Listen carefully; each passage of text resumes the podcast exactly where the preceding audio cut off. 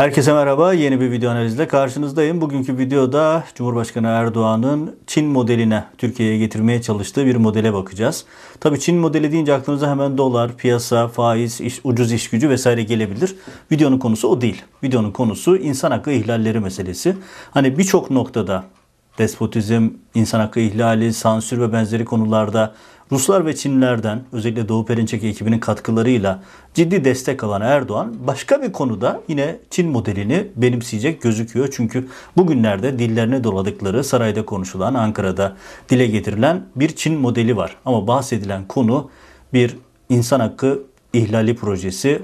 Çin'in Uygurlara uyguladığını, Uygurlara yapmayı düş, yaptığı, pratikte uyguladığı insan hakkı ihlallerinin benzerini Türkiye'de Gülen cemaati mensuplarına uygulamayı düşünüyorlar.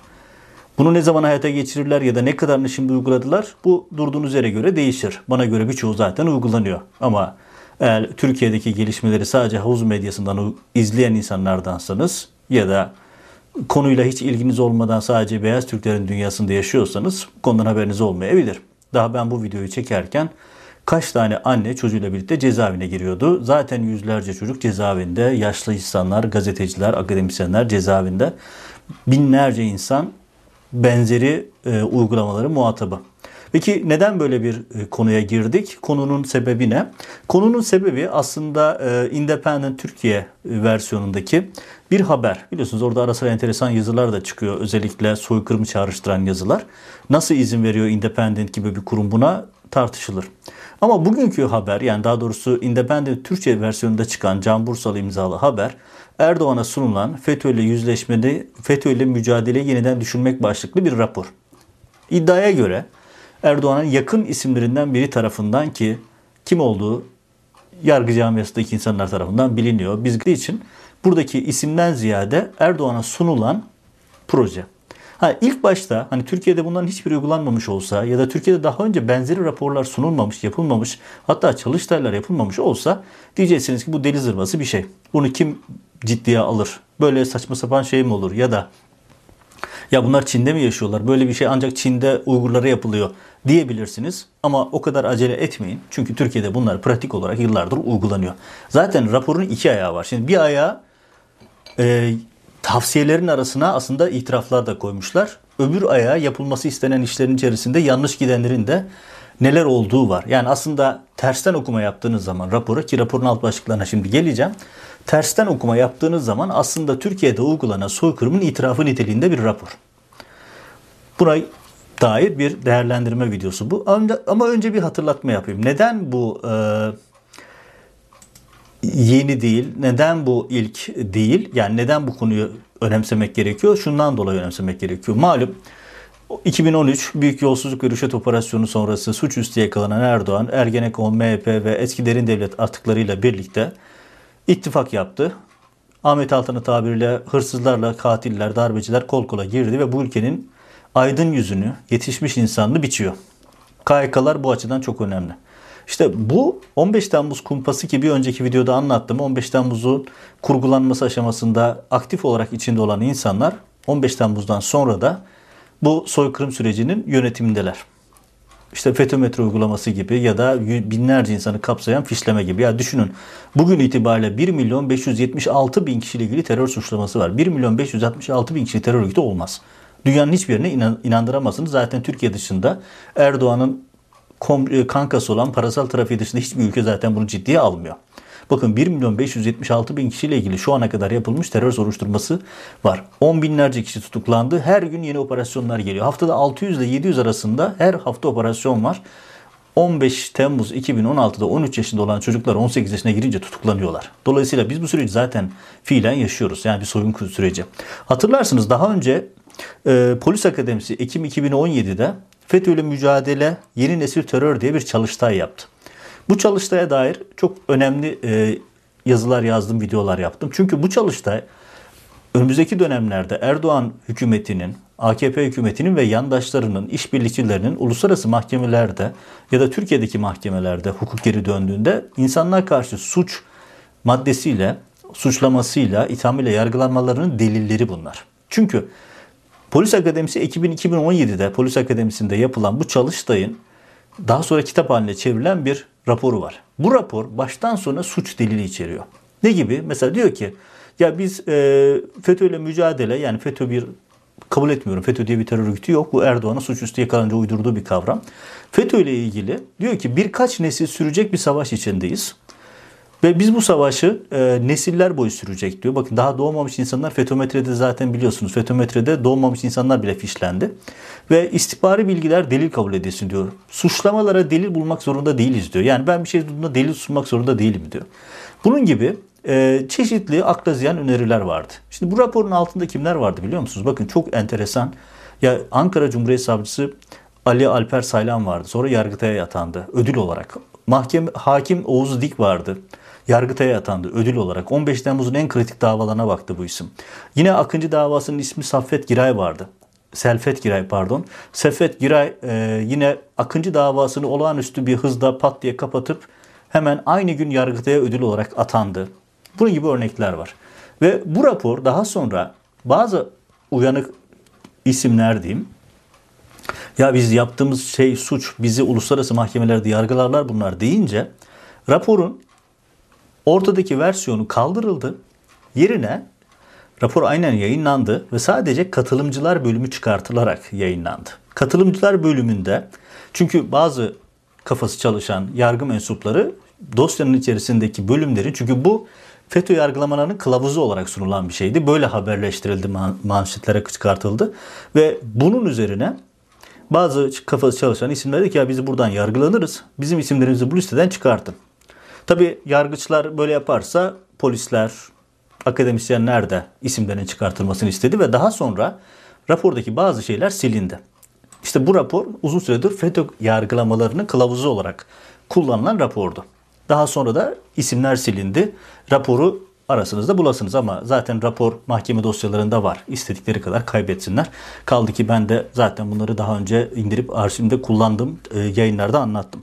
Şimdi benzer bir çalışma. Hani önceki çalışmanın devamı gibi bir çalışma. Bu seferki çalışmayı yapan bir isim yargı mensubu ve e, Erdoğan'a yakın isimlerden biri olarak gösteriliyor.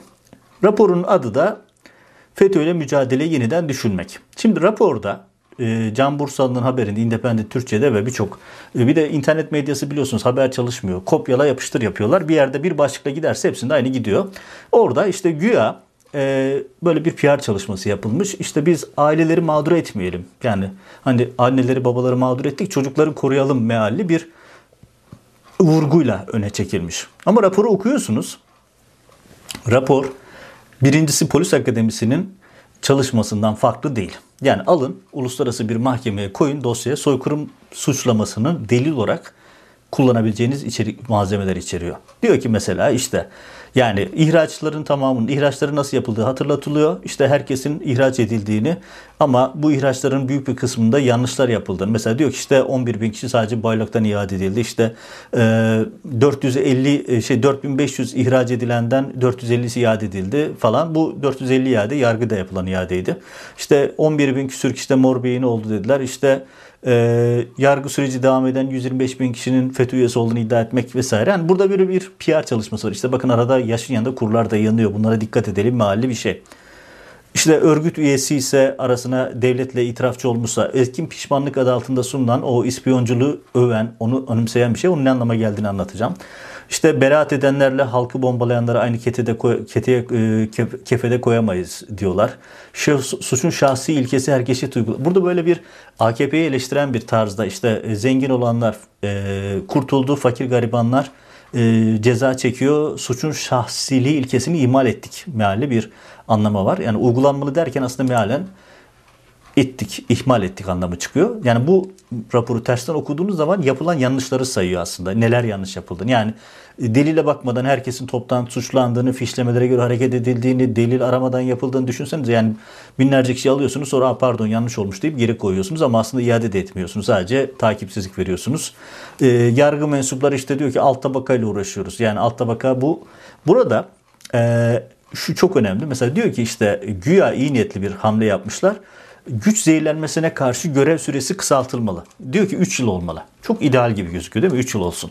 Neden öyle yapılıyor? Çünkü FETÖ borsası diye bir şey var. FETÖ borsası diye bir şey kuruldu. Hakimler, savcılar, emniyet mensupları, e, askeri personeller kendi aralarında bir borsa kurdu. Bu borsa saraydan en küçük adliyeye kadar sürüyor. Borsa yerelde kurulmadı. Borsa bizzat sarayda kuruldu. Erdoğan'dan başlayarak Erdoğan büyük iş adamlarına çöktü. Bakanlar orta büyüklükteki iş adamlarına ve bölgelerindekilere, milletvekilleri şehirlerindekilere, ilçe başkanları ilçelerdeki kadar yani Cemişgezek'teki bir kuru yemişçiye kadar çöktüler bu yöntemle. Ve burada bunun itirafı var. Diyor ki güç zehirlenmesine karşı. Ne güç zehirlenmesi? Siz kanun uyguluyorsunuz. Kanun uygulayan bir adamda güç zehirlenmesi nasıl olacak? E nasıl olacak? İşte İzmir'de ortaya çıktı en belirgin örneği. AKP yargısı bile kapatamadı. FETÖ borsasını hakimin, savcının, istihbarat komutanı şeyi, müdürünün içinde olduğu korkunç bir çete vardı. Ve bu çete Binali Yıldırım'a kadar uzanıyordu. Şimdi bunun örneklerinin olduğunu aslında burada çok büyük bir itiraf var. Yani İzmir bakın diyor ki Ankara, İstanbul, İzmir gibi iller dışında e, görev süresi 3'er yıl olmalı şeklinde. Hani o 3 yıl önemsemiş orasını.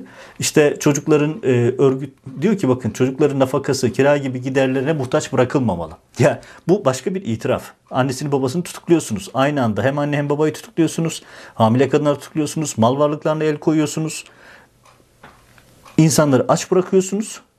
Kamuda işe giremiyor, özel sektörde işe giremiyor, hiçbir iş yapamıyor. Ve ona yardım getiren insanları da terör örgütü suçlamasıyla suçluyorsunuz. Hani biz onlara sahip çıkalım böyle insani bir tavır gösteriyormuş gibi derken aslında işledikleri suçu itiraf ediyorlar. Ve yüzleşme sağlanmalı kısmı. En can alıcı noktası burası. Diyor ki işte yıllarca aldıkları eğitimle mankurtlaştırılan aynen rapordan okuyorum. Kişilere özel hazırlanmış videolar ceza ve teyif evlerinde izletilerek nasıl canavarsa bir his sahibi olan bir fren kaç tane dönüştükleri yüzleşmeleri sağlanmalıdır. Bakın bu nedir biliyor musunuz? 28 Şubatçıların yaptığı ikna odasıdır ya da daha belirgin haliyle Çin'in toplama kamplarında binlerce, yüz binlerce Uygurluğu yapıp beyinlerini yıkamasıdır. Cezaevlerinde eğitim videosu adı altında insanlara e, beyin yıkama faaliyetleri yapılması öneriliyor. Bunlar toplama kampı, soykırım süreçleridir. Bunlar sadece buralarda olurlar. Bakın bunu yazan bir yargı mensubu. Bunun bir de FETÖ uygulaması var. O cihat yağcı biliyorsunuz. Ee, yani soykırım suçundan yargılanması kesin olan bir isim. Ömrü uzun ve yeterse oradan mutlaka yargılanacak bir isim bu. Diyor ki e, işte onu örnekte veriyor. Hatta FETÖ diyor sadece orada değil yargı e, akademide de uygulansın. Hala atılmamış insanlar var diyor. Yani bu kadar insan atılmış. Hala atılmayan insanlar var, rahatsızlığı var. Ya şöyle özetleyeyim raporun detaylarına çok girmeden. Hani böyle bir PR çalışması işte bir iyi niyet, bir vicdan kırıntısı kalmış gibi bir havaya sunulan şey aslında soykırımın delili. Yani şu ana kadar götüremediğimiz, yapamadığımız e, şey var. E, işte hata yaptığımız yerler mealli bir bölüm var. Ve burada şunu da hatırlatalım. İşte vay efendim Fetah Tamimce serbest kalıyorken gariban Anadolu'daki bir öğrenci öğret şey öğrenci evinde kalan öğrenci neden tutuklanıyor? Ya da esnaf gazeteye abone olan esnaf niye tutuklanıyor diyenlerin derdi aslında Fetih Tamimce'nin ya da o vatandaşın tutuklanması değil. Fetah Tamimce niye tutuksuz yargılanıyor? Neden o tutuklanmadı demek. Birçok e, sözüm ona liberal demokrat muhalif gazetecinin bugünlerde en çok söylediği şey aslında hepsini tutuklayın kökünü kazıyın mealli bir şey. Şimdi burada e, iki boyutu var raporun. Şimdi rapor bir bir şeyiyle e, boyutuyla ya toplama kampı öneriyor aslında. Hatırlarsınız 15 Temmuz'dan sonra Kayseri'de bir hapishaneyi toplama kampı yapalım önerisi de vardı. İstanbul'da hainler mezarlığı Kayseri'de toplama kampı diyordu. Toplama kampı şey yapılsın. İşte e, yani büyük bir kitleyi suçlu ilan edip ailelerine merhamet etmek gibi bir e, mizansen çevriliyor. Ya bir kere sizin Yeni bir arayış yapmanıza gerek yok. Kanunları uygularsanız zaten kimse mağdur olmayacak. Bakın yeni bir arayışa, yeni bir kanuna, yeni bir düzenlemeye gerek yok.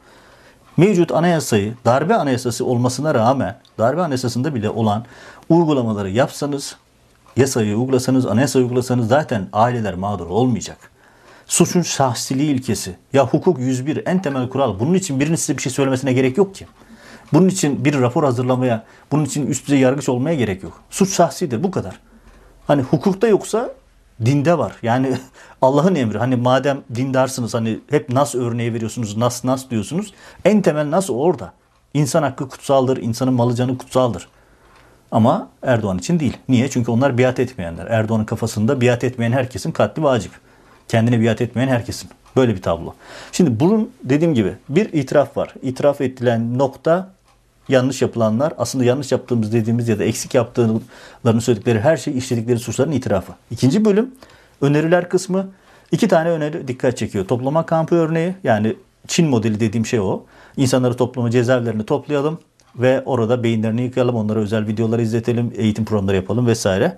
İkincisi de e, bölme, ayrılma. Yani diyor ki işte istifa, e, herkesi tek bir çatıya koymayalım. Bunun bu iyi niyetli göstergenin altında şu yatıyor. Bir, beraat edenlerle beraat etmeyenleri ayıralım. Beraat eden, beraat etmeyen Erdoğan rejimi arasında hiçbir fark yok. Hepsi beraat etmiş sayılmak zorunda kalacak. İki, beraat eden, beraat etmeyen. Etkin pişmanlık adı altında yaptırılan o suç yapanlar yapıl, yapıl etmeyenler. Ailesini reddedenler reddetmeyenler. Yani burada şunu yapmaya çalışıyor Erdoğan. E, bütün o kitleyi bölmeye çalışıyor. Çünkü beklemedikleri bir direnç gördüler. Yani bu kadar 5 sene geçmiş, 5,5 sene geçmiş. 17 Aralık'tan başlarsanız 7-8 sene geçmiş. Hala çözülmediler, hala dağılmadılar diye büyük bir sıkıntı var sarayda. O gazın da yansıması bunlar. Orada yapılan şey nedir? Erdoğan'ın aslında aziyetin de itirafı bu. Bölelim, parçalayalım. Özellikle etkin pişmanlığı e, teşvik edelim şeyleri var raporda. Onlara özel korumalar getirelim, iş verelim, teşvik edelim. Bakın etkin pişmanlık diye bir şey yok. Etkin pişmanlık dediğin şey ispiyonculuktur, iftiradır ve e, kimse bunu hoş görmeye çalışmasın. Bakın bugün binlerce insan etkin pişmanlık adı altında verilen ifadeler yüzünden cezaevinde zulüm çekiyor. Çünkü birçok kişi saflığına da böyle söyleyebilir. Hani biz beraber kaldık, suç işlemedik, kurban dağıttık, şunu yaptık, bunu yaptık diyebilir. Bakın bu söylediğiniz her şey rejimin sizden istediği bir şey. Rejim şunu yapıyor bakın. Hukukta kaybettiği mücadeleyi kazanma imkanı olmayan mücadeleyi masa başı oyunlarla kazanmaya çalışıyor. Yarın bir gün uluslararası kurumlara diyecekler ki ya kardeşim tamam da işte bakın bir, bir, bu kadar itirafçı çıktı. İtiraf ettiler suçlarını, örgüt olduklarını kabul ettiler. Ya ben kabul etmiyorum ki örgüt olduğumu. Örgüt diye bir şey yok. Yani bu bir sivil toplum hareketi. Örgüt diyen sizsiniz çünkü siz suçüstü yakalanınca bana suç atıyorsunuz. Bu kadar basit. Şimdi burada ne yapıyor? İşte şey istihbaratın özellikle çalıştığı, Hakan Fidan'ın özellikle çalıştığı bir alan bu. Ee, Birçok insanın eşine, çocuğuna, ailesine işte hem böyle iyi niyetli yaklaşımla hem de zorla yaklaşım gibi hem kötü polis hem iyi polisle yaklaşıp itirafçı olma zorunluluğu, itirafçı olmalara, itirafçı olanlara destek verme. Burada yapılan şey çok basit. Yani özendirerek biz bunları içeriden bölelim, birbirine düşürelim. Çünkü hukuken kazanamıyoruz. Masada bir takım ayak oyunlarla kazalım meselesi. Yani aslında bu raporda önerilen şey de o. Ve son günlerde bu e, şeyin arttırılması da bunların yansıması. Hatırlarsınız e, geçtiğimiz yıllarda Akit TV'de bir e, Necmettin Batırel'di. Evet Necmettin Batırel isimli birisi. Yani gene yargılanması gereken birisi. Bunların bedenleri kendilerine ait değil diyordu. Yani çocukları, aileleri. Ya bakın bu havuz medyasında söylenen şeylere başka delil aramaya gerek yok. Bu iki raporu bile alıp koysanız herhangi bir mahkemede soykırım suçunun muhatap olursunuz. Ve Erdoğan rejimi bunu kendi adıyla, kendi ağzıyla yapıyor. Şimdi bu haberden yola çıkarak şunu ifade etmek lazım. Yani bir kere bu iki raporu, yani özellikle bu son raporda, rapor adı altında Erdoğan'a sunulan, Ağustos ayında sunulduğu söyleniyor. Ee, bunların uygulanması, bunların bir çeşit e, reklam amaçlı yapılması aslında büyük bir acziyet ve suç itirafı. Yaptıkları suçları itiraf etmişler. Hani e, bilerek ya da bilmeyerek yaptılar bunu. Ama önümüzdeki dönemde getirmek istediği, yapmak istedikleri şeylerle ilgili çok net bir ipucu veriyor. O da şu, insanları baskıyla pişmanlık, etkin pişmanlık adı altında itirafçılığa zorlamak, terör örgütüyle. Çünkü maddi delil sağlayamıyorlar. Bakın bu noktada e, geçtiğimiz günlerde TR24'te yazıları da yazmaya başladı. Yazar Aslı Topuz'un e, güçlü bir kalem takip etmenizi tavsiye ederim. E, Twitter hesabında pin yaptığı, sabitlediği bir seri var. Mutlaka okuyun. Benim çok e, önemsediğim bir seri. O da şu. Jean d'Arc davası. Aynı şekilde yani Jean d'Arc işte krallığı ele geçirmekle suçlanıyor. Ama e, krallığı ele geçirmekle ilgili herhangi bir suç bulunamıyor. Bunun üzerine işte bir takım e, hak arayışındaki tırnak içerisinde ifadeyle söyleyeyim e, isimler devreye girip geçmişteki günahları vesaire gündeme getirip Jean d'Arc'ı e, yakılarak ölüme götüren süreci yapıyorlar. Sonra deniyor ki evet ya masumdu, yanlıştı. Tamam önce masum oldu, sonra Azize ilan edildi. Ama ne gezer? Yakılarak öldürüldü. Şimdi cemaatin şu an karşılaştığı şey de bu. Suç bulunamayınca etkin pişmanlık şu bu falan filan diyerek insanları itirafçılığa yönlendirip bir it- suçu kabul ettirme. Kendi eksiklerini buralarla kapatmaya çalışıyorlar. Bakın bugün rejimin suç olarak önümüze koyduğu her şey suç değil. Ne bayrak kullanmak ne suç, ne bankada parası olması suç, ne okula çocuk göndermek suç, ne gazete aboneliği suç, ne de kimse yokmaya yardım yapıp Afrika'da su kuyusu açtırmak, göz ameliyatı yaptırmak, kurban da bunların hiçbirisi suç değil. Dün olmadı, bugün olmayacak, yarın da olmayacak. Erdoğan rejiminin suçlamaları sadece Erdoğan'ın siyasi ömrü kadar. Siyasi ömrü bittiği gün bu suçlamaların tamamı düşer. Düşmek zorunda. Bunu gördükleri için işte bu akla evvel raporları yazıyorlar. Ve bu raporları yazarken de kendi suçlarını itiraf ediyorlar. Şunları yapalım derken aslında tersten okuduğunuz zaman şunları şunları yaptık ama başarılı olamadık diyorlar. Çoluk çocuk herkesi topladık. Herkesi tek bir kalemde suçladık. Herkesi içeri attık ama hata yaptık. Bak işte şu kadar kişiyi iade etmek zorunda kaldık. Şu kadar yerde aileleri perişan ettik. Çocukları ortada kaldı. Çocukları bu sefer de örgüte gidiyorlar. Çünkü onları örgüt olarak kabul ediyorlar. Ya düşünün bu rejim güya sözüm ona dindar, muhafazakar, Müslüman bir rejim sahur vakti operasyonlar yapıp sahur sofrasından oruç açmaya çalışan, şey, sahur yapmaya çalışan insanları tutukladılar, topladılar. Ramazan'da aç kalan aileleri, annesi babası tutuklanmış, çocuklar ortada kalmış, evin reisi tutuklanmış. Neden? Öğretmen bu insanlar. Çocuklarınızı emanet ettiğiniz insanlardı bunlar. Tutuklanıp geride kalan insanlar yardım ediyor diye özel harekatla kameraların önünde kapıları kırıp insanları yere yatırıp ters kelepçe yapan bir rejim bu. Bütün bunlara rağmen başarılı olmadı. Şimdi böyle raporlarla yeni bir aşamaya geçmeye çalışıyorlar. Ekonomide olmadı. Zaten olmayacağı belliydi. Çin modeli diye bir şey yaptılar ki böyle bir model yok. Batırılan ekonomiyi kamufle etmeye çalışıyorlardı. Şimdi yargıda bir Çin modeli getirmeye çalışıyorlar. Bu rapor olarak sunulan ve kamuoyuna yedirilmeye çalışılan, kamuoyu oluşmaya, oluşturmaya çalışılan mesele Çin'in Uygurlara yaptığını Erdoğan da Türkiye'de kendine biat etmeyen şu anda Gülen cemaati yarın bir gün başka isimler de Erdoğan'a biat etmesin. Aynı şekilde biliyorsunuz çok yoğun cezaevi inşaatı var Türkiye'de. Şu an en çok yapılan şey cezaevi inşaatı. Bu inşaatların içerisinde doldurdukları masum insanlara beyin yıkama, 28 Şubat'ın ikna odacıları gibi beyin yıkama videoları izletmek, bunlarla birlikte o insanları güya topluma kazanmak. Tutukladığınız insanlar toplumun göz bebeği insanlar zaten. Akademisyenler, gazeteciler, eğitimciler. Bu insanların ihtiyacı yok buna. Bu işin ayrı bir boyutu. Ama tarihe not olarak tekrar düşelim. Nasıl ki polis akademisinde yaptıkları ve kılavuz olarak kullandıkları raporu daha sonra ortadan kaybetmeye çalıştılar. Bu bizim yargılanmamıza neden olur deyip kendi isimlerini kaldırdılar. Yarın bir gün bir, bu raporları da aynı şekilde kaldırmak zorunda kalacaklar. Ama bu raporların hepsi Erdoğan rejiminin işlediği kitle e, suçlarını, insan hakkı ihlallerini, soykırım suçlarını delili olarak önümüzdeki yargılamalarda önlerinize düşecek. O yüzden yapmaya çalıştığı şeyi net olarak görmek gerekiyor. Ve bu itirafları da gözlerine sokmak lazım. O yüzden bu videoyu yapıp bunu kayda düşüyoruz. Bu fetometre uygulansın, çocuklara işte şöyle yapılsın, cezaevinde insanlara videolar izletilsin, eğitim programı alınsın vesaire falan filan. Bunu daha uzunları Çin modelinde var. Ve güya sözüm ona dindar muhafazakar İslamcı bir ismin gelip Türkiye'yi Rusya-Çin ekseninde nelere getirdiğini göstermesi aslında ibret alem bir rapor. Ama en nihayetinde acziyetinde itirafı 5,5 senedir bütün devlet imkanlarıyla üzerlerine gittik ama hala mesafe alamıyoruz. Evet aldığımız mesafe var ama hala istediğimiz olmadı. Dolayısıyla şu aşamaya geçelim diyen bir e, insanlık suçunun itirafı aslında bu çalışmalar. Evet rapor hani bu rapor çıktığı zaman saraydan çıkıp ya böyle şey olur mu bize böyle bir şey gelmedi deli saçması bir şey demediğine göre bu raporu da aldılar ve zaten uygulamaları bunların uygulamatta olduğunu pratikte hayata geçirildiğinde göstermiş oluyor. Evet bu videoda Erdoğan rejiminin insan hakkı ihlallerindeki yeni bir aşaması, daha doğrusu Gülen cemaati mensupları ki şimdilik onlara yani yarın bir gün atıyorum X cemaati, Y sosyal grubu, Z e, siyasi partisi Erdoğan'a biat etmediği zaman aynı şeyi onlar da yaşayacaklar. Çünkü Erdoğan için temel bir kural var. Tam biat, %100 biat ve daima biat. Onun dışında herhangi bir seçenek yok Erdoğan için.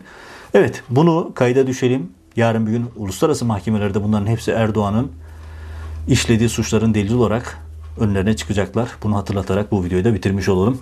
Ee, videoyu bitirirken tekrar hatırlatmak zorunda kalıyorum ama yayınlara abone olma, yayınları paylaşma YouTube algoritması için önemli.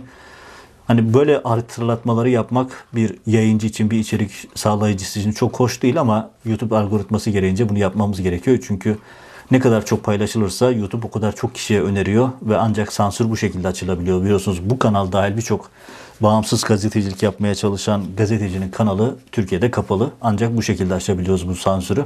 O yüzden abone olmanız, bildirimleri açmanız ve yayını paylaşmanız önemli. Bu hatırlatmayla bitirmiş olalım. Önümüzdeki yayınlarda görüşmek üzere.